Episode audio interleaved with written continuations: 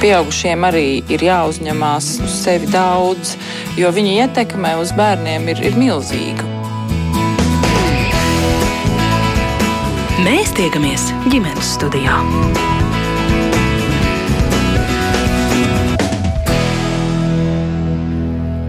Labdien! Priecājos sveicināt jūs visus ģimenes studijas klausītājus. Mans vārds ir Agnēs Linka, un šī radījuma producente ir Ilza Zvaigzne. Ēnu diena ir karjeras izglītības pasākums, tā mērķis iepazīstināt skolēnus ar dažādu profesiju un nozaru prasībām, lai palīdzētu jauniešiem izvēlēties profesiju un atbilstoši sagatavoties nākotnē darba tirgumu. Tāpat kā daudz kas cits eh, pēdējos eh, gados uz nosacītas pauzes šī programma bija nolikta, bet programma iekļauj izglītības procesā karjeras jautājumus, rosina jauniešu jaunieši plānot nākotni jau skolas laikā, arī veido sadarbības starp skolu sabiedrību un darba vidi un sekmē jauniešu integrāciju nākotnē darba tirgū. Šogad ēnu diena atkal ies eh, vaļā, tā teikt, pa īstam, tā plānota jau pavisam drīz, jau 6. aprīlī. Ēnu vietu jeb vakanču esot gana daudz, un eh, acīm redzot, ka visi gan skolēni, gan darba devēji ir attālinātās dzīves nogurdināti un, eh, tā teikt, priecāsies tikties šogad klātienē. Un tā nu šodien ģimenes studijā mēs runāsim par to, kāda šogad būs ēnu diena, kāda profesionālajā virziena pašlaik visvairāk interesē Latvijas skolēnus un arī kādus ēnotājus un pēcāk jau darbiniekus sev vēlas piesaistīt visdažādāko nozaru uzņēmumi un iestādes. Un sarunas dalībnieki šoreiz ar mums kopā šeit klātienē ģimenes studijā ir Junior Achievement Latvijas valdes priekšsēdētājs Jānis Krīvans. Labdien! Labdien! Bet telefoniski ar mums kopā ir karjeras konsultante no Rīgas Angļu ģimnāzijas Madara Sarkane. Labdien, Madara, dzirdat mūs? Jā, labdien! Jā. Un uh, sveicienus ģimenes studijā es sūtu arī Jelgavas valsts ģimnāzijas ekonomikas, geogrāfijas un sociālo zinību skolotājai Ilzei Rumbiniecei. Labdien arī jums! Labdien! Es sākšu ar jautājumu uh, Jānim. Ar kādām sajūtām šogad jūs startējat ēnu dienas projektu un vai šajā procesā šogad ir kas jauns? Jā, nu, kopumā es ar ļoti pozitīvām emocijām un expectācijām šī gada dienas mēs gaidām un esam šo projektu palaiduši, jo tiešām ir divi gadi pagājuši kopš iepriekšējām ēnu dienām, un ēnu dienas ir ļoti svarīgs solis skolēniem nākotnes karjeras un profesijas izvēlē. Protams, šīs ēnu dienas arī savā ziņā nedaudz mūs ar tādu neziņu gaida, jo ar izsludinot ēnu dienas, mēs nezinājām, kāda būs epidemioloģiskā situācija valstī un vai tās būs iespējamas. Eh, daudz uz, no uzņēmumiem arī bija gana piesardzīgi. Un šogad mēs atļāvām iespēju uh, variēt. Tātad bija iespējams klātienes ēnu dienas organizēt, kā arī plāns B uh, ēnu dienas tiešsaistē. Līdz ar to bija tātad šādi divi scenāriji. Kāda tā proporcija, cik daudz izvēlās klātienes ēnotāju? strādājus un cik to darīs attēlināti? Mm, tā tad mēs zinām uz šo brīdi no tām vakancēm, kas ir reģistrētas, tad tikai 2% ir pieejami tiešsaistē. Par ko mums ir prieks, jo mēs saprotam un redzam to, ka ēnu devēji arī saprot, ka šāda veida jauni procesi, kur mēs iepazīstamies ar jauniem cilvēkiem, skolēniem, nākotnes varbūt arī darbiniekiem, tad ir ļoti svarīgs šis te klātienes kontakts, nevis tiešsaiste. Un tā tad, jā, lielākā daļa, jeb 98% šobrīd ir reģistrējuši savus vakances tieši klātienē. Jā, tas priecē. 6. aprīlis vairs nav nemaz tik tālu, vai jūs varat izstāstīt, kādā etapā šobrīd ir pieteikšanās? Vai tā vēl ir atvērta gan ēnu devējiem, gan ēnu kārotājiem? Jā, tā šobrīd ir atvērta gan ēnu devējiem, gan skolēniem reģistrācijai. Tātad ēnu devējus mēs aicinām pats, pats pēdējais mirklis būtu 28. Tātad marts. Vēl dažas dienas. Vēl jā. dažas dienas. Ja gadījumā arī nepaspēs līdz 28. martam, tad pats pēdējais ir 1.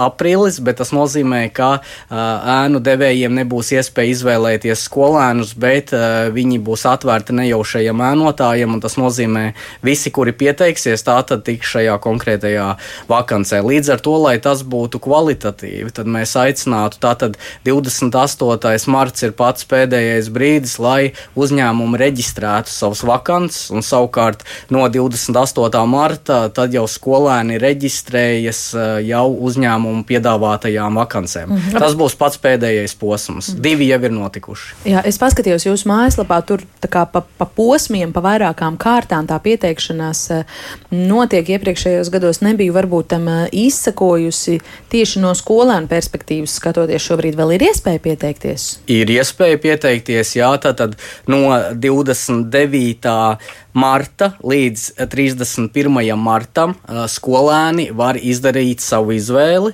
Tā tad tā būs pirms pēdējā izvēle. Divas izvēles jau ir iespējams notikušas, kurās tad viņi piesakās publicētajām vakancēm. Tas nozīmē, ka kaut kādas tās izvēles kārtas ir beigušās, tas vēl neko, tas vēl neko nenozīmē. Iespējams, ir vakants, un tur var redzēt mājaslapā, ka daudzām jau konkursi ir noslēdzies. Tas nozīmē, ka jau pirmajās kārtās mērķiecīgākie skolēni ir reģistrējušies šīm vakancēm, bet uh, tie, kuri vēl nogaida, uh, tad tas būs pats pēdējais posms, kuram pieteikties. Un tad savukārt aizies šis nejaušais ēnotājs, bet uh, tajā ir salīdzinoši maz uzņēmumi, kuri ir reģistrējušies. Mm -hmm. nu, par to varbūt, ja sanāks laika, izstāstīsiet arī nedaudz. Vēlāk es gribu sarunā iesaistīt arī karjeras konsultanti Madaru Sarkani no Rīgas Angļu ģimnāzijas un pēc tam arī Jelgavas valsts ģimnāzijas skolotāju vaicā to pašu. Jānis pieminēja pašā pašā sākumā. Šis ēnu diena ir ļoti svarīgs solis katra skolēna izglītības procesā. Vai jūs tam eh, varat eh, piekrist vai ko piebilst? Nu, kāda ir tā ēnu dienas jēga un liederība, piedodiet par trivializēšanu? Varbūt tikai viena diena mm, liderīgi pavadīt laiku ārpus skolas, vai tomēr kaut kas eh, vairāk, kā jūs to redzat? Madara, sāksiet! Jā, Es to saredzu kā, kā lielisku iespēju īpaši tiem, kas, kas, kas jau kaut cik un nedaudz apzinās to savu virzienu, to savu interesi galveno, ka pārliecināties par, par to, ka tas, ka tas ir kaut kas mans, ka man tas patīk un, un kaut kādā ziņā redzēt jau to darbu ikdienu, kaut vai pavisam nedaudz dažas bet satikties ar to speciālistu un, un, un, un piedzīvot kaut kādā ziņā to to darbu, kas saista, piemēram, vai arī būtībā citiem, kas, eh, kas, kas tikai taustās un, un meklē to savu ceļu, arī iespēja, kā eh, kaut vai apzināt kaut kādas tās iespējas meklējot tajā lielajā vakanšu sarakstā to sevi interesējošo un, un tādā veidā varbūt arī priekš sevis apzinoties e, kaut kādas lietas, kas, kas, kas, kas piesaist vairāk un, un, un, un, un Tā, tā es to saredzu. Un varbūt eh, kaut kādām grupām, ja, ja kā kādreiz varbūt tiek, tiek arī organizēts no skolas, no klasēm, piemēram, šķietami varbūt visi iet uz kaut ko vienu, bet arī ap, apzināties pēc tam, eh, vai tas man bija interesanti un es varu par to painteresēties vairāk labi. Ja tas man nepatika un es zinu, ka tas noteikti nebūs mans, arī, arī tas ir labi, jo zināt to, kas, kas mums nepatīk, arī ir kaut kādā veidā jau jau, jau veids, kā, kā, kā iet solis priekš savā tādā karjeras attīstībā. Mm. Tas arī ir noderīgi, jā. Ilza uh mhm. -huh. Rumbeniec no Jelgavas valsts ģimnāzijas. Jā, labdien! Vēlreiz es uh, vienkārši gribēju pateikt, ka mums ir tā ēnu dienas uh, pieredze jau diezgan daudzus gadus, un es īstenībā arī citās skolās, kur esmu strādājis, vienmēr esmu šo ēnu dienu organizējis.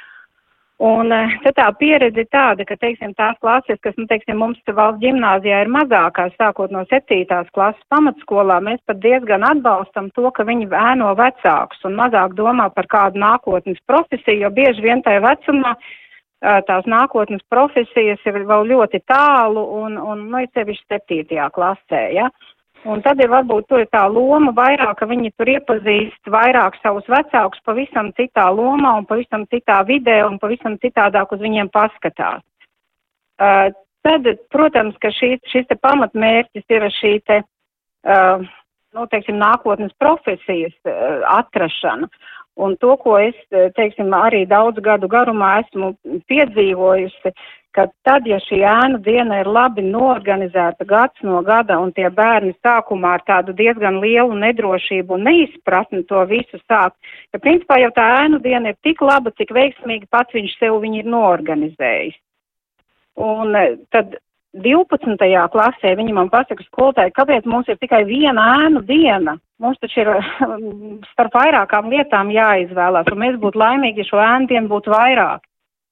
Uh, bet es arī starp citu, un, un arī bieži vien tas tā notiekās, ka skolēni izvēlās tādas, nu, teiksim, viņi uh, ēno kādu mūziķi, ēno, piemēram, geto games, kā, kā tur notiek šīs te dienas, in, nu, ēnot teātru mākslinieks, labi zinot, ka viņi, teiksim, nebūs aktieri, un tā nav viņa nākotnes izvēle, bet viņi šajā dienā atrod cilvēku, nu, kur citā dienā viņi diez vai mūžā kaut kad, nu, tiks klāt. Un kāds tad ir tas iespēja. guvums? Tas guvums. Nu, tas ir, nu, es, piemēram, domāju, ja es varētu tagad kādu dienu noēnot no rīta līdz vakaram kādu dailes teātra akteri, aktieri, piemēram, ja, nu, tas ir ļoti milzīgs emocionāls guvums. Un, un varbūt teiksim, ka jā, protams, tas mērķis ir nākotnes profesija, bet man ir bijuši skolēni arī, kas, teiksim, ir bijuši filmēšanas laukumā. Un pēc tam visu savu karjeru sagriez, savu karjeras plānošanu sagriezuši ar kājām gaisā, aizgājuši mācīties mēdījus un, Un, un, un tas ir tas, kas, nu, kas viņiem pilnīgi pavisam atvēra acis uz citu nezināmu vidi. Lūk, kā gadās arī tā. Es gribu par tiem vecumiem, eh, ēnu dienu dalībnieku optimālais vecums un to precizēt. Mm, te Ilza nu pat teica, nu, ka tie, tiem mazajiem bērniem ir labi, ja viņi ēno vecāks, un arī septīta klasniekiem vēl um, viņu nākotnes profesijas ir eh, tālas un iespējams miglātītas, bet es esmu un arī šajā studijā tas ir izskanējis, ka karjeras konsultanti saka, jo ātrāk cilvēks apzinās, ko viņš nākotnē grib darīt, eh, jo labāk. Un tad arī ir daži avoti, kas saka, ka no 7. un 8. klases tā, tā, tā ēnu dienā dalība var tikt ņemta, bet eh, tāpat laikā es jūsu mājaslapā lasu pasākums 1. līdz 12. klasē. Kā ir Jāni?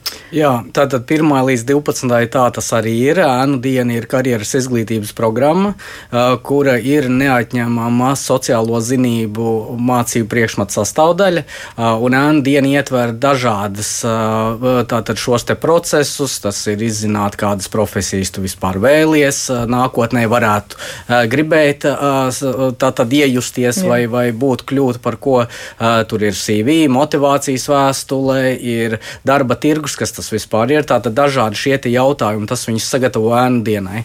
Bet tāda aktīva ēnu diena ir no 4. klases, kuru mēs piedāvājam. Tātad, un 4. klasē mēs tomēr piedāvājam doties ēnot vecākus uz vecāku birojiem, vecāku vecāku kolēģiem, ja jau vienu gadu ir bijuši pie vecākiem, tad eh, izmantot šīs iespējas. Un tāda jau mērķtiecīga ēnu diena noteikti no 7. klases līdz 12. tur jau es teiktu, ka tā jābūt ir obligātai. Eh, un ja skolēni saka, kāpēc tikai vienu reizi ir ja šī ēnu diena, tad eh, viņi droši to jau var darīt mērķtiecīgi, skatīties, kādas ēnu vietas ir pieejamas, ir norādīta vecuma mājaslapā un izvēlēties tās ēnu vietas, kuras ir piedāvājumā. Mm -hmm. Un varbūt nav pat tik svarīgi par to nākotnes profesiju. Vairāk ir svarīgi arī izzināt darba tirgu, darba likumu, atbildību. Un tad šis ir tātad iemācāms jebkurā darba vietā, jebkurā profesijā. Un tālāk jau ar gadiem iet mērķtiecīgi uz to, šo savu sapņu profesiju, izmēģināt vairāk šīs tēnu dienas un saprast, kas vairāk patīk un kas nepatīk. Mm -hmm. Kata mums ir atrakstījusi, kā vienmēr, klausītāju komentāru ģimenes studijā laipni gaidīt. Viņa saka, kāpēc tādas dienas nevar būt arī pieaugušajiem, jo citreiz cilvēks ir iedomājies kādu vienu profesiju, bet redzot realitātē to izdomā, ka tomēr gribētu kaut ko citu, un pieaugušajiem tas arī varētu būt uh, interesanti. Un to gan neorganizēs Junior Achievement Latvija, vai ne? ja, ja tās būs sēndienas, tad mēs viņus organizētu, jo, jo tā tomēr ir uh, mūsu kā preču zīme, uh, un, un tad citi nemaz šīs sēndienas nevar organizēt, bet kur es varu īstenībā arī šajā gadījumā atbildēt mums šobrīd arī ir akcija kopā ar ekonomikas ministriju un Tirzniecības un Rūpniecības kameru un vēl citām institūcijām. Tātad uzņēmējs ēno ierēdni. Līdz ar to uh, arī uzņēmēju vai pieaugušu cilvēku iespēja ir ēnot ierēdni valsts institūcijā, uh, un, protams, šajā gadījumā tā, tas mērķis ir nedaudz cits. Tātad saprast, kā notiek valsts uh, šī iekārta, kādus lēmumus vai, vai procesus varētu ietekmēt, un, un kā notiek šī lēmuma pieņemšana, un kas arī ir no uzņēmēja puses svarīgi, uh, ja pateikt ierēdnim, kā tām lietām būtu jānotiek. Un šāda programma programma tiek īstenota. Tā, tā, tā arī daļai saucās ēnu diena. Jā. Bet, diemžēl, pieaugušajiem jau šī ēnu dienas teikti jau būtu par vēlu, jo šī profesija jau ir izvēlēta. Tātad tas īstais moments noteikti ir vidusskolas nu, laiks. Mūža izglītība mums šobrīd ir pilnīgi modē par to. Jā, negrēkojiet, sakot, protams. ka profesija viena tiek jāizvēlās uz visu mm -hmm. mūžu. Nē, nē, protams, bet tas Taisnība, nav šī raidījuma temats. Nu jau mēs ejam kaut kur drusku citos laukos jā, kā jau es pieminēju raidījuma sākumā, tātad, eh, kā mēs vienojāmies, ēnu diena nevis nav notikusi divus gadus, bet pagājušajā gadā tieši bija um, apgrūtināta, bet vēl 2020. gada pavasarī īsi pirms paša pandēmijas sākuma um, pēdējo reizi notika īsta ēnošana, un ģimenes studijai par to, kā tas viss ir um, bijis, pastāstīt un savu pieredzi pastāstīt piekrita nu jau divi 12. klases skolēni no Jelgavas ģimnāzijas Delfīna Busīgina un Krišjānis Zakrēpskis. Um, ko viņi ēnoja un kā šīs vakances izvēlējās, paklausīsimies viņa teiktajā pirmā stāsta Delfīna izvēle bija tāda kā nejauša. Es domāju, kur es iešu iestāties, kura augstskola man izvēlēts, un viena no domām bija LLU. Un, kad es skatījos tās vakances, kuras piedāvā ēnu diena, tur bija viena iespēja apmeklēt LLU dekāni. Un man bija tāds, Nu, jā, kāpēc neaiziet, neapskatīties, kas tur vispār notiek, varbūt pajautāt, kā labāk dabūt to iespēju, dabūt savu budžeta vietu. Un tā es arī uzrakstīju tur to motivācijas vēstuli, un mani kaut kā ļoti, ļoti ātri pieņēma. Es ēnoju Baibu Rivžu, kas ir ne tikai profesora LLU ekonomikas fakultātē, bet viņa ir arī um, Latvijas Nacionālajās um, Zinātnes akadēmijas uh, profesora. Īsnībā kopumā tajā dienā es apmeklēju nevis vienu ānāmo cilvēku, bet īsnībā visas trīs tādas kā lielas pasākumus. Uh, pirmkārt, man, mēs iztaigājām visu to LLO ekonomikas fakultāti. Viņi man parādīja, ko viņi dara ikdienā un uh, kas tur pārsvarā notiek.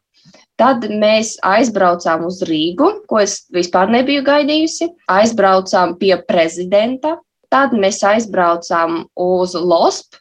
Ja es nemaldos, tā ir transkripcija lauksaimnieku organizācijas savienības padoma kaut kas tāds. Un tad pašās pašās beigās mēs aizbraucām atpakaļ uz LLU, kuras piedalījos arī LLU tajā sēdē.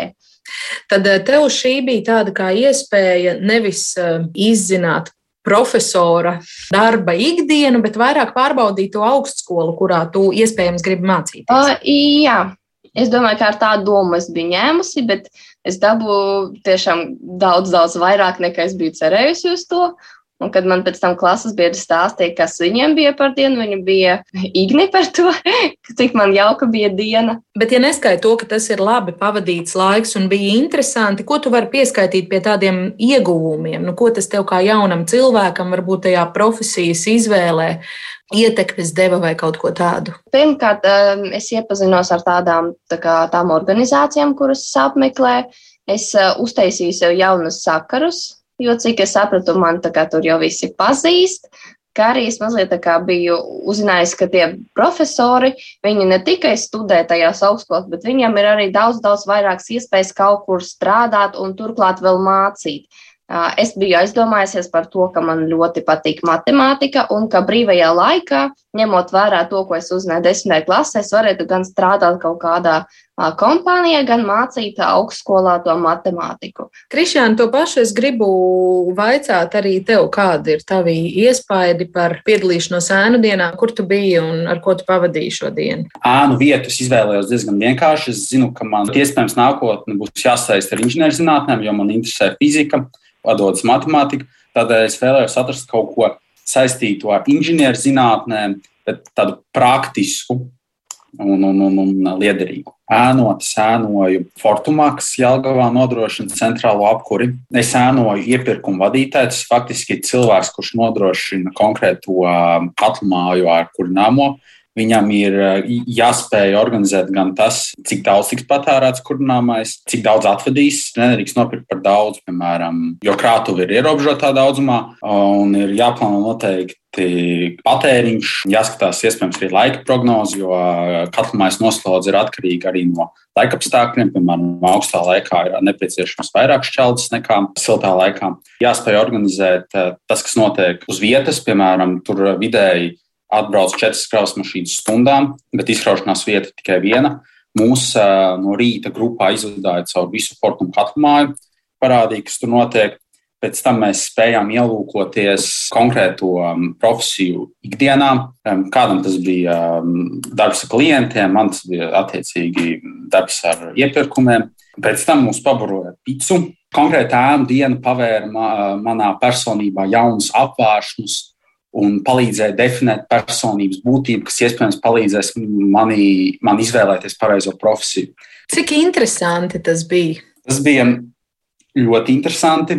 Līdz šim es um, ēnu dienās biju pielījies tikai divas reizes. Pirmo reizi ēnoju mašīnistu Latvijas dzelzceļā, otrajā reizē ēnoju nodaļas vadītāju finanšu ministrijā. Un, un šis bija darbs, kurš um, nebija ne tikai papīriem, ne tikai uh, reāli ar rokām uz vietas, piemēram, tajā lokomotīvā. Tas bija sapārojums starp darba papīriem un reālo darbu. Mm, jā, man patīk ļoti. Cik es sapratu, tad um, nav tik liels nozīmes tai izglītībai, kā tam, ko tiešām spēj. Jo vismaz privātajā sektorā ir tā, ka, ja darba devējs redz tevī potenciālu un to, ka tu spēj vadīt konkrēto procesu, tad viņš var pievērt acis uz tavu augstskolas diplomu. Galvenais, lai to spēj izdarīt, jo tas cilvēks, ko es ēnoju, viņš bija maksimāli vienkārši ļoti jauks, saprotošs. Pēc izglītības bija vienkārši ekonomists, bet darīja viņš ļoti labu lietu un tvēra viņš to ļoti vienkārši un reāli. Es redzēju cilvēku, kurš neiet uz darbu ar tādu piespiedu kārtām. Šie darbu ar, uz darbu ar vieglumu, ar pacelātību un priecīgs viņš bija. Ja jums būtu jādod tagad kādam cilvēkam jaunākam par jums padoms, eh, kā izvēlēties, ko doties ēnot, kādas kritērijas izvēlē jūs ieteiktu ņemt vērā? Vai vienkārši jāiet tur, kur var tikt? Jo nevar jau vienmēr kaut kādās eh, sapņu vietās. Kā izvēlēties, uz ko mērķēt? Nu, jā, man, manā skatījumā ir um, jāapskatās, kas pašam interesē. Piemēram, ja cilvēks dzīvo laukos, viņam acīs deg par lietām, kas saistītas ar lauksaimniecību, tad noteikti jādod sēnot iespējams kāds saimniecības vadītājs laukos. Ja cilvēkam interesē matemātika, fizika, noteikti var arī pielasīt kaut ko, kas interesē, piemēram, ēnot valsts prezidentu jā, varbūt tas būs interesanti, aizraujoši un būs ar ko palēlīties skolotājiem un sko, eh, skolas biedriem, bet reāli pienesuma tam es neredzu. Delfīna, kā tev šķiet? Pēc manas pieredzes eh, ir īstenībā jābūt kādam, kurš palīdzētu tev to izvēlēties. Piemēram, mana mazā māsa Viņa tagad arī sūtīja to mm, motivācijas vēstuli vienam māksliniekam, un viņa man vispirms atnāca pateica, ko man izvēlēties. Man ir tāda baigā panika, man ir kaut ko jāizvēlās, bet es nezinu, ko. Un mēs kopā apsēdamies un sākam meklēt, nu, kas tev patīk. Nu, man patīk māksla. Ok, Tūlīt mēs skatāmies, lasu, skatāmies to vakances listi un meklējam kaut ko, kas ir saistīts ar mākslu, tur arhitekti, mākslinieki, un tad pēc tam mēs tā kopā lasam tos aprakstus, kuri tur ir ļoti dažās vietās tādi liederīgi un interesanti aprakstīti. Un pēc tam mēs izvēlējamies tādus, kā kā kritērijus, un no tās viņas atsūtīja visiem tiem trim variantiem, kurus viņai patika, to motivācijas vēstuli. Vienā vietā viņa atteica pirmajā kārtā, Un viņai bija tāds baigās bēdas par to, ka viņai atteica tajā vietā, jo tas bija tiešām tur, kur viņa gribēja. Uzreiz ir tāds, tā kā, nu, viss mani nepieņem, es neko vairs nevaru darīt. Un tieši arī šajā brīdī tam, kurš palīdzēja viņai izvēlēties to iespēju, ir kā, jāpalīdz tevi nepieņēma, meklē kaut ko citu, nav jāapstājās. Un tas palīgs no vecākām paudzēm ir ļoti liederīgs. Jo, piemēram, tagad 12. klasē, salīdzinot ar sevi 10. klasē, es vairs nebaidos pati uzrakstīt kaut kādam uzņēmumam. Un pat ja man atsakās, tā kā bija daži, kas teica man, nē, tomēr es mēģinu atkal un atkal dabūt to vietu.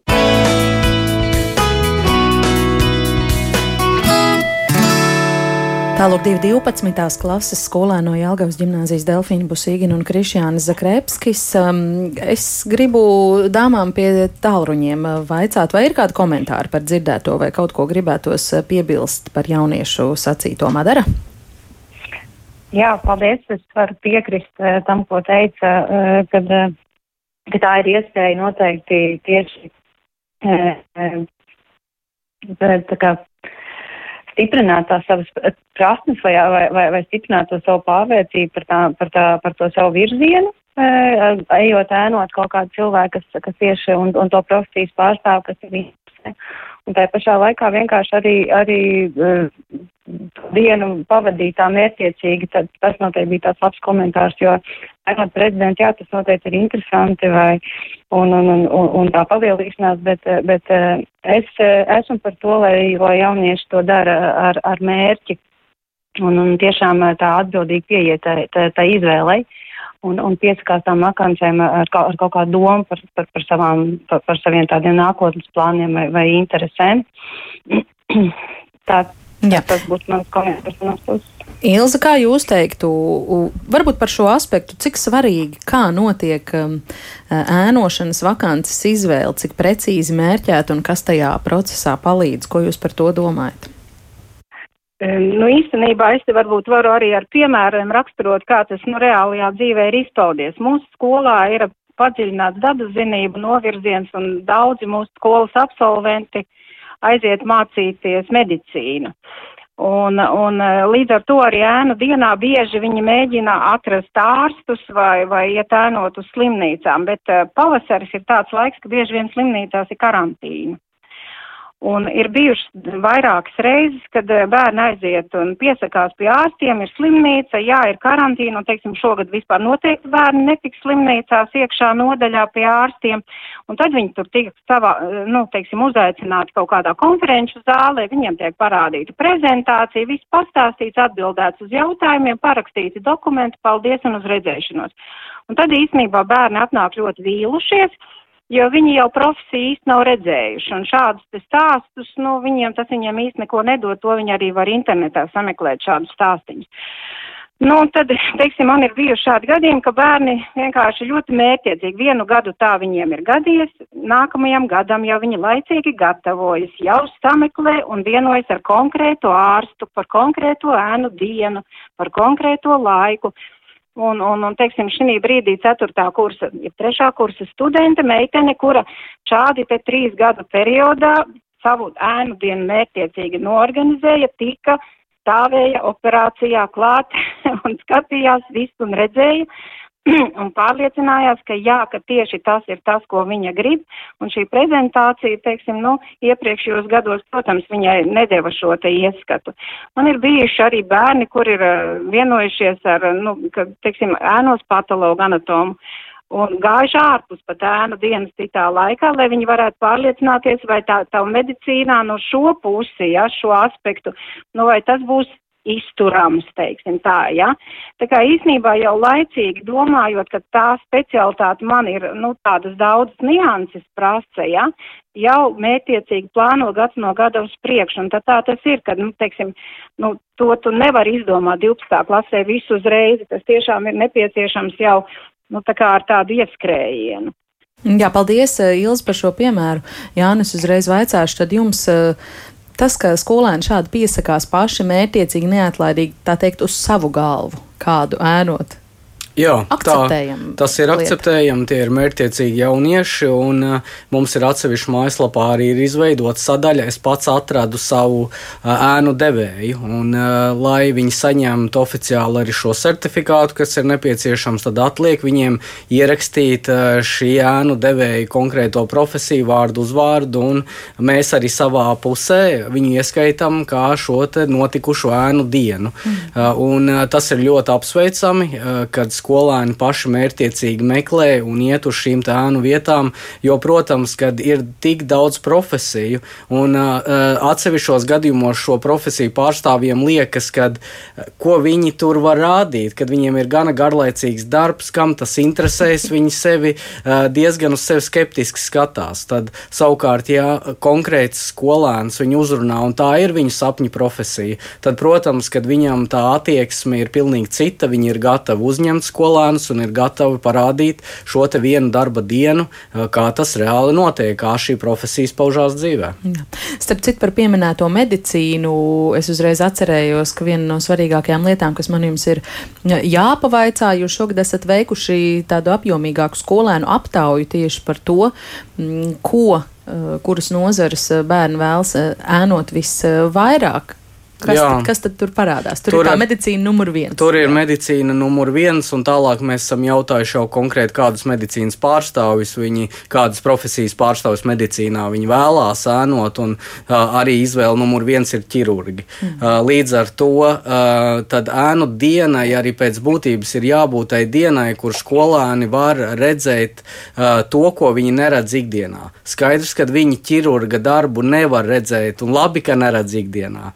Tad ēnu dienā viņiem ir iespēja ieskatīties. Ja, piemēram, mēs apkalpojošā uh, sfērā varam vismaz iztēloties un saprast, kā notiek šis darbs, mēs varam arī ieskatīties, kā notiek pavāru darbs, mēs varam ieskatīties, kā notiek inženieru darbs vai uh, automehāniķa darbs. To mēs varam redzēt, bet tieši šo medicīnas jomu viņi ir pietiekami slēgta uh, ārējiem apmeklētājiem, uh, kuri nav tiešā veidā klienti un patērētāji. Tad tā ir svarīga vieta un laiks, kā skolēniem pārbaudīt un pārliecināties, vai tiešām šī medicīna atbilst viņu expectācijām. Kas vēl ir tās interesējošās nozares? Tas ir pilots. Tajā tieši tāpat mēs nekā netiekam iekšā. Pilota kabīnē, tā ir lidmašīnā, tā ir ļoti pieprasīta, arī stjuarti. Tas ir šogad īstenībā ļoti interesants arhitekts. Arhitekts, ja šobrīd mēs sasumētu kopā šobrīd pieteikumus, tad arhitekts būtu pirmajā vietā bet uh, vēl mēs neko summēt nevaram, jo kā jau skolēni dara liela daļa pēdējā brīdī, un šī statistika var pamainīties. Uh, tad ir uh, ārsti visdažādākie, ja neatliekamās medicīnas palīdzības ārsti, ja, kas ir tieši ātrā palīdzība, jurists, psihologs. Mhm. Tad šobrīd jā, šie, kas iezīmējās, bet ir arī atsevišķi, kas ir spilgti gana kinologi. Katru gadu ir ļoti pieprasīti kinologi. Un, kas ir interesanti. Viņi Latvijā nemaz nav tik daudz, tādēļ tie arī, kuri dzird šo interviju, gan arhitekti, gan psihologi, gan kinologi, gan, protams, plašākajā veidā, veidā medicīnas iestāžu pārstāvji ārsti, piesakiet vēl savu sēnu vietas skolēniem. Un kādus vēl jautājumus aptaujā uzdevāt? Mēs uzdevām par nākotnes darba tirgu. Mēs uzdevām, kā, kāda, kādu atalgojumu viņi vēlētu vēlētos saņemt, kas arī bija interesanti. Kas tur parādās? Kad, tur parādās, ka alga līdz 1000 eiro, kas ir gana saprātīgi no 500 līdz 1000 eiro, kas ir nedaudz virs minimālā, ja, ja mēs skatāmies, bet tur ir svarīgi nevis pirmā darba vieta, bet pirmā darba vieta izvēlētajā profesijā, mhm. kas ir nav gana ambiciozi, bet kas ir gana realistiski. Un vēl ko mēs pajautājām, bija dažādi šie jautājumi, bet vēl kas ir interesanti, ka vai uh, skolēni ir gatavi strādāt kā brīvprātīgie. Uh, tātad šīs darba pieredzes iegūšanā un pārliecinoši 60% atbildēja jā, uh, un 32% ka nezinu, bet nē, atbildēja mazāk kā 10%. Uh, līdz ar to tad, uh, skolēni, skolēniem ir svarīgi iegūt arī šo pieredzi arī brīvprātīgā darbā, kas ir ļoti apsveicami, jo tā ir ļoti vērtīga pieredze. Mm.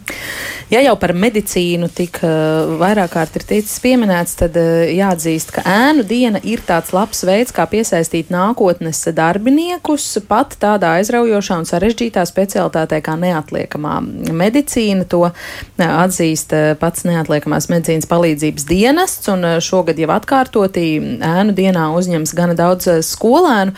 Kas jauniešus uh, sagaida uh, šajā ēnu dienā un kādus cilvēkus mediķi labprāt sev redzētu līdzi? Līdzās ēnu dienā. To ģimenes studija pavaicāja neatliekamās medicīniskās palīdzības dienesta ārsta palīgam Alvim Osmanim. Paklausīsimies viņa teiktajā. Un dienā jaunieši nāk un apzina sākumā, vai viņiem tas patīk, vai viņiem tas nepatīk, vai nenokrīt tās rozā brilles, kas viņiem ir bijušas, to, ko viņi ir redzējuši pa televizoru. Tad viņi to redz arī dzīvē, kā tas izskatās, iepazīst. Nāk arī varbūt nākošajā gadā uz ēnu dienu, lai nostiprinātu šīs zināšanas un savu sapratni par to, un tad jau pieņemam savu lēmumu uz atlikušo dzīvi. Protams, mēs priecājamies par jebkuru bet jārunā arī par kaut kādu liederīgu. Un noteikti, protams, laikam vairāk priecājamies par to, kad nāk sākot nu, no 8. un 9. klases līdz pat vidusskolas beigām. Tad, kad šis jaunietis apmēram saprot, kas ir medicīna, kad viņš vairāk vai mazāk izprot, kas viņš gribētu būt.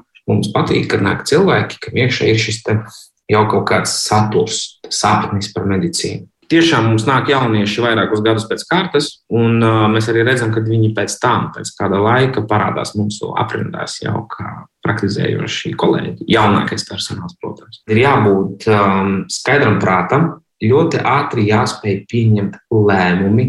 Nevienmēr viņi ir patīkami, ļoti jābūt um, vēsam savās emocijās, vismaz pildot darba pienākumus, ar ļoti ātru reakciju, jāspēj loģiski domāt un spriest bet veikt uh, secinājumus, kas ir ļoti, ļoti svarīgi. Jo neatliekamā medicīnā ir svarīgi veikt konkrētas darbības bez minstināšanās, precīzas, loģiskas un paredzēt vismaz trīs soļus uz priekšu. Ja ir kāda no šīm īpašībām, tad pārējais jau var mēģināt attīstīt un nākt pie mums strādāt. Un kas ir tas, ko šie cilvēki pieredzēs šajā dienā? Kādu dienu vai kādu laika pavadīšanu jūs viņiem varat apsolīt? Šogad mēs, protams, piedāvājam apmeklēt neatliekamo palīdzības dienestu 15 atbalstu punktos. Tas ir lielākās tātad apakšstacijas neatliekamajā palīdzībā. Protams, tā ir Rīga, Valmiera, Daugavpils, Madona, Ventspils un tā tālāk. Un tā tālāk. Protams, ir kopējs koncepts, bet tad ir jāskatās, ko katra apakšstacija izdomā. Bet pa lielam tas noteikti ir tā, ka jaunieši ieradīsies uz neatliekamo palīdzības dienestu, viņiem būs ekskursija par to, kā izskatās apakšstacija. Viņi noteikti apmeklēs neatliekamās palīdzības automašīnu, tātad operatīvo transporta līdzekli, kur viņi varēs apskatīties, kā ir izkārtots, kādas, kādas iekārtas mums ir, ja?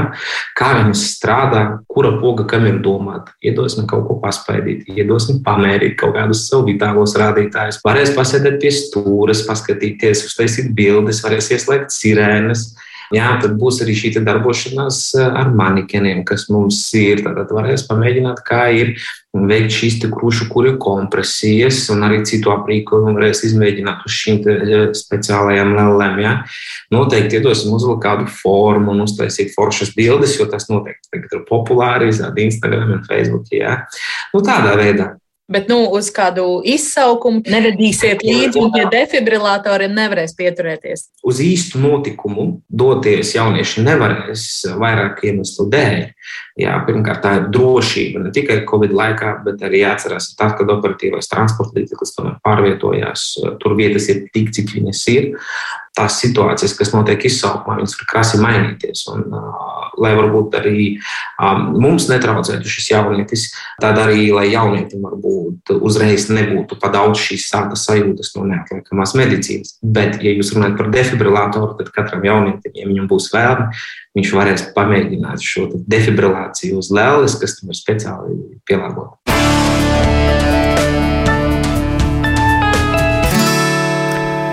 Tālūk, Alvis Osmanis no neatliekamās medicīniskās palīdzības eh, dienas. Es atgādināšu, ka ģimenes studijā mēs šodien runājam par ēnu dienu. Latvijā tā notiks šogad 6. aprīlī, un eh, sarunā piedalās Jānis Krievāns no Junior Achievement Latvija un telefoniski ar mums kopā arī karjeras konsultante no Rīgas Angļu ģimnāzijas un Jelgavas valsts ģimnāzijas ekonomikas, geogrāfijas un sociālo zinību skolotāja Ilza Rumbiniec. Un šobrīd mums telefoniski pievienojas arī centrs Dardedze, interešu aizstāv un komunikācijas vadītāja Anda Avena. Labdien, Anda! Labdien! Un arī Nacionālo bruņoto spēku apvienotā štāba komunikācijas pārvaldes instruktors galvenais virsseržants Girts Aleksis. Labdien! Labdien! Um, Anda un Girta, jums gribu vaicāt arī jūs un jūsu pārstāvētie uzņēmumu un iestādes organizācijas būsiet uh, ēnu uh, devēji. Cik vietas, uh, piemēram, Dārdedze piedāvās un uh, ko var ēnot, kā var ēnot, piemēram, uh, psihologu. Ja? Jānis te teica, psihologs viena no top lietām, ko jaunieši labprāt vērotu šajā dienā. Anda? Jā, tātad Dārdedzei psihologu ēnošanai tiešām bija liela interese. Mēs paši vienojāmies, ka varam uzņemt kādas 10, 12 ēnas, un tad šogad jā, pie mums būs 10 psihologu ēnas un divas sociāla darbinieku ēnas. Un patiešām gribas pateikt paldies par bērniem par lielo interesi, jo, protams, kā mēs akceptējām šīs ēnas un tad vairāk pieteikties tām nevar, bet varēja redzēt, ka šī interese pastāvīgi ir, un noteikti, ja mēs nebūtu kā visas viņas jau akceptējuši, būtu vēl turpinājuši nākt pieteikumi. Tā kā patiešām interesi jūtam, nu, tātad kādas 30, vairāk kā 30 bērni bija pieteikušies nākt darbicē ēnot. Un, jā, droši vien, ka var just to, ka šobrīd, tā kā mēs visi jūtam, ka mums tā ikdiena ir tālu no normālas jau kādu laiku, gan pandēmijas ietekmē, gan arī šobrīd jau Eiropā notiek pašā kara ietekmē, uh, var jūs to, ka, uh, ka bērni droši vien arvien vairāk novērtē to psiholoģijas um, devumu sabiedrībai gan savā dzīvē, gan arī kopumā. Un uh, mēs droši vien tā ilgtermiņā varam skatīties, ka mēs vairāk runājam par to, kā mēs jūtamies un kā mēs, kādas mūsu attiecības. Un to var redzēt arī pieteikumos bērnu, kam ir lielākā izpratne par to, par šo jomu, un patiešām ir arī tā spēja vairāk pamanīt tās problēmas, kas ir gan pašam savā dzīvē, gan arī savu tuvāko cilvēku attiecībās, un, un tad nāk šī vēlme palīdzēt, un palīdzēt gan citiem, gan arī varbūt sev un mainīt šīs lietas tādā pozitīvākā virzienā. Jā, Anda, kādos un, procesos mēs... darbdedzē varēs iesaistīties ēnas? Jā, protams, ka mēs nevaram ņemt ēnas uz klientu konsultācijām blakus vai, vai supervīzijā, kur mēs runājam par konkrētām, konkrētiem gadījumiem, bet mēs, protams, ka mēs izrādām telpas un visas psihologu lietas, kā, ar kādām bērni ar psihologu sadarbojas un pastāstīsim noteikti, kādas ir šīs metodas, kā mēs strādājam. Protams, ka tā lielā mērā sanāk arī kā ekskursija un kā psihologu stāstījums un sarunā šīm ēnām par to, ko tas no psihologa paša prasa, ko, kādas zināšanas viņam vajadzīgas un ar kādām metodēm tad viņš strādā. Un noteikti arī kā, kādas ir tās kvalitātes, kādas ir nepieciešamas šim speciālistam, jo varbūt arī ne visiem, kuriem patīk psiholoģija vai, vai kuriem gribās pāanalizēt sevi vairāk, tas ir jāizvēlās kā profesija, un tas noteikti ir tāds, tāds izsverams jautājums, iepazīstoties ar šo profesiju klātienē. Mhm. Tātad jums būs 12 ēnotāji, bet cik bija pieteikumu, varbūt, varbūt ir zināms, lai apjaustu Vairāk kā 30 pieteikumi bija mums, un jā, noteikti, būtu bijuši vēl, ja būtu iespēja vēl, vēl ņemt. Jā, paldies par eh, šo stāstījumu. Girta, vaicāšu jums, kādas vakances ēnām mm, šogad piedāvās Nacionālajie bruņotie spēki un cik lielā mērā uh, varēs gūt priekšstatu par tādu darba ikdienu jūsu organizācijā?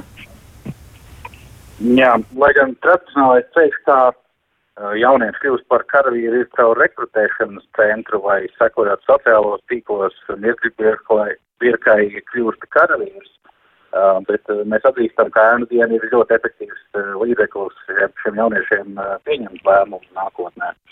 Uh, un uh, šogad mēs piedāvājam divus veidus.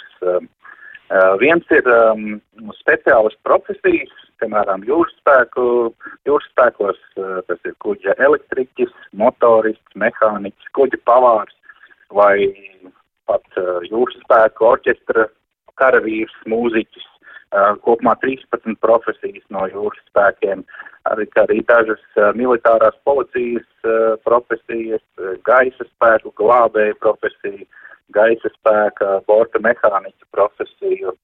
Um, līdz 28. martam um, ēnu dienas mājaslapā būs atrodams pilns saraksts ar piedāvātiem militārām profesijām.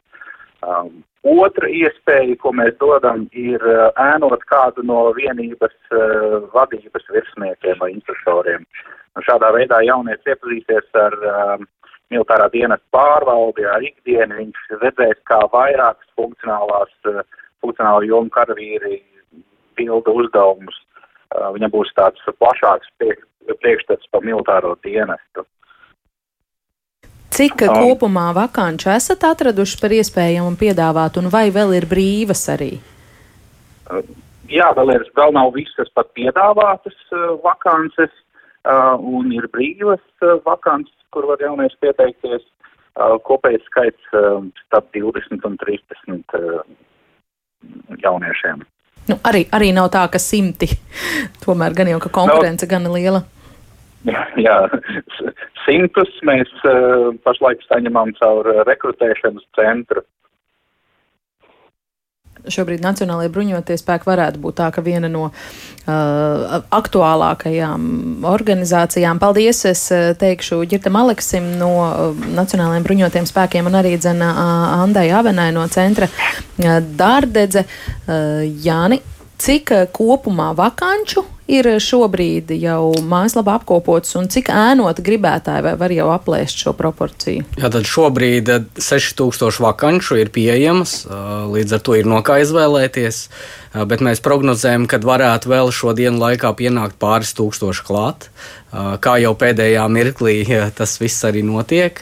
Tieši no ēnu devēja vai no skolēnu? Ēnu devēja no puses arī, jā, kā mēs šobrīd dzirdējām, arī NBSā nav šobrīd visas vēl publicētas, mm. līdz ar to ļoti gaidām, jo mēs acīm redzam, redzam to, ka skolēni arī vēl nogaida. Mm. Pieteiksies tagad, apstiprinās, un pēc tam uzrādīsies kaut kas interesants, un ko tad darīs. Tieši tādēļ ir svarīgi pēc iespējas ātrāk šobrīd nopublicēt visas vakances, lai tad skolēni zina viņu izvēli un tad iespējas, kurās viņi var piedalīties. Mm. Ēnotāji savukārt ir vairāki desmiti tūkstoši, kuri ir reģistrējušies, bet savas izvēles izdarījuši, vēl nav 6000. Tā ah. kā vēl nav, jā. Līdz ar to skolēni arī gaida. Ir, ir vakances, uz kurām ir arī vairāki desmit pieteikumi uz vienu vietu. Nu, piemēram tas pats pilots, tas pats ķirurgs, arhitekts, jā. ķirurgs. Jā, tur, ir, tur ir lieli konkursi, tiešām lieli konkursi, un tieši tādēļ šo profesiju pārstāvi mēs aicinām vēl reģistrēties un vēl piedāvāt savas vietas, jo, protams, uz vienu vietu var tikt tikai maksimums četri skolēni. -hmm. Vai ir kāda, kāda ēnu vakance, kas jums varbūt gadu gaitā sekojot šim procesam, nu šogad īpaši ir kritusi acīs, ka tas ir kaut kas jauns, interesants, pavisam nebijis. Ir kaut kas tāds? Jā, ir gan pat cik ir 6000 vakants, mums ir grūti kādu izcelt, un mēs esam redzējuši ļoti daudz. Un, nu, kas, kas šobrīd varbūt ir, kas nav bijis noteikti pirms pāris gadiem, tas ir šis elektroauto uzlādes operators. Tā viņu laikam precīzi būtu nosaukt, kad tāds jau nav bijis arī pirms gadiem, un šobrīd šie elektroauto ienāk Latvijā, un uzlādes stacijas ir arvien vairāk, un acīm redzot, šādi operatori ir, un šobrīd, jā, arī šādus ir iespējams iespējams pieteikties ēnot. Mm -hmm. nu, pavisam, pavisam īsies jums vēl pajautāt, kāds ēnu devējiem ir ieguvums, neskaitot to, ka jā, viņi varbūt audzina sev potenciālos darbiniekus, vai nu, tas vienkārši ir sociāli atbildīgi. Kur jūs saredzat tādu izdevīgumu tiešām uzņēmumiem? Uh, uzņēmumiem es ieteiktu nemeklēt šajā dienā savu personīgo izdevīgumu, protams, jo, ja mums jā, jādomā par izglītības procesu, tad mums katram ir jābūt līdzatbildīgiem, un ja mēs vēlamies, ka Latvijā izaug sagatavoti potenciālie darbinieki, eksperti, nozaru eksperti, tad mums ir jāieguldās visiem izglītības procesā, un šis ir viens no veidiem, kā to visefektīvāk izdarīt. Mm. Bet, protams, tā ir, tā ir lieta, uz ko mēs ejam, un, protams, darba devēji uzņēmumi skatās arī tā, ka šī ir iespēja piesaistīt nākotnes darba darbiniekus. Un viņi ir atklāti arī pateikuši mums to aptaujā, kad viņu mērķis piedalīties ēnu dienā ir uzrunāt iespējamos nākotnes darbiniekus. Un, uh, tas nav slikti, tas ir ļoti labi, un mums ir gandarījums, kad ēnu devēju skolēniem skatās uh, kā potenciālajiem nākotnes darbiniekiem. Mm. Visbeidzot, Madara un Ilze, jums abām gribu vaicāt, cik lielā mērā jūsu skolēni, varbūt jūs to zināt, ir izdarījuši jau savu izvēli. Eh, vai ir, vai ir tikuši pie tām ēnu vietām, kuras eh, ir gribējuši, vai varbūt arī ir riski, vai iepriekšējo gadu pieredze liecina, ka vienmēr kāda paliek bešā, kā tur ir? Madara? Mhm, jā, Es laikam pie, piekritīšu Jānim, kad skolēni ir tie, kas, un, tas pierādās, ka viņi diezgan dara pēdējā brīdī. Un, manuprāt, dotajā brīdī es, man nav gan tāda informācija, bet es gribētu teikt arī vēl nogaidu un, un, un, un pētu tās vakances. Bet es atkal no savas puses kā saviem tādiem amatu pienākumiem, kā karjeras konsultants, viņus mudinu ar dažādu veidu informāciju, gan, gan, gan nosūtot to, gan, gan izvietojot skolā. Un, un, un tādā veidā atgādinu varbūt ikdienā, kad, kad, kad ir laiks pieteikties un, un, un, un, un tas laiks nav vairs daudz. Bet, nu jā, bet ir arī bijis jau, jau iepriekš diezgan ilgi. Vēl tāds komentārs varbūt no manis. Man patika tās vidusskolas skolnieces sacītais par, par to pieredzi iepriekš ēnu dienā, kad, kad ir vērtīgi, kad ir kāds, kas apsēžas blakus palīdz tik galā ar to lielo piedāvājumu, varbūt tādam devītās klases, piemēram, vai astotās klases skolēnam, kas šķietam apjūgtajā lielajā piedāvājumā, tad, tad jā, es arī lieku aiz auss sev kā, kā, kā tādu pamudinājumu vēl, vēl, vēl uh, atgādināt gan plašu audzinātājiem, varbūt pedagogiem, arī ģimenē, kad, uh, kad būt par atbalstu skolēnam izdarīt to izvēli un atrast sev to piemērotāko uh, iespējamo ēnojamo, un tad, lai, lai tā diena var būt tāda tāda tiešām uh, apzināta, mērķiecīga kaut, kā, kaut, kaut kādas konkrētas lietas noskaidrot. Jā, paldies, Ilis, tad jums pēdējais vārds. Jā, es gribu teikt, ka mums tā sistēma strādā tā, ka nu, gads no gada iet, un mums arī ir nu, tā atgriezniskā saita, ka mēs klasē katrs savu pieredzi izstāstam. Un tas tiek darīts vai nu sociālo zinību stundā, vai klasēm dažām audzināšanas stundā, kā katrā plaša grupā tas ir noorganizēts. Un tad gala rezultātā skolēni iepazīstās ne tikai ar to vienu, nu, nu teiksim, katrs pats ar to savu pieredzi, ja, bet viņi dzird arī cita pieredzi. Un tad šie te stāsti un īstenībā šī viena gada pieredze jau tā kā tāda sniega pika velk uz priekšu nākamo un, un skolēni zina, ka tas process būs un meklēs atkal un citiem bija tur tik ļoti interesanti un, Un kā rezultātā tagad tajās klasēs, kurās es, es esmu pajautājis līdz šim, kā viņiem ir veicies ar pieteikšanos, tur, nu, viens, divi cilvēki vēl pagaidām nav atraduši, ko ēnot. Mums īstenībā ir, principā, viņi ir gatavi ēnu dienai, jā. Prieks to dzirdēt. Uz šīs pozitīvās nots arī teikšu paldies par sarunu ģimenes studijā šodien Ilzē Rumbiniecē no Jelgavas valsts ģimnāzijas, Madrē Sarkanai no Rīgas Angļu ģimnāzijas un Jānim Krievānam no Junior Achievement Latvija par raidījumu tapšanu un skanējumu šodien gādā Ilza Zvaigzne, Rita Karnača un es Agnese Linka. Rīt ģimenes studijā Mums būs īpaša tikšanās ar Reini Pozņaku. Viņš ir cilvēks, kas pēdējās nedēļās ir bijis priekšgalā procesam, lai kopā ar draugiem un domu biedriem organizētu liela apjoma autotransporta ziedojumus Ukraiņu zemessargiem. Un kopā ar sievu Andu Reinis audzina arī divus bērnus. Tāpēc rīt mūsu saruna ne tikai par karu un palīdzības sniegšanu, bet arī par viņu ģimenes dzīvi un ikdienu. Tātad šo tikšanos ar Reini Pozņaku klausieties ģimenes studijā studijā rīt. Kā vienmēr eh, šajā laikā 5 minūtes pāri eh, diviem. Un neaizmirstiet, ka visus ģimenes studijas eh, raidījumus un ierakstus jūs varat dzirdēt arī podkāstos. Sekojiet mums sociālos tīklos un uz sadzirdēšanos.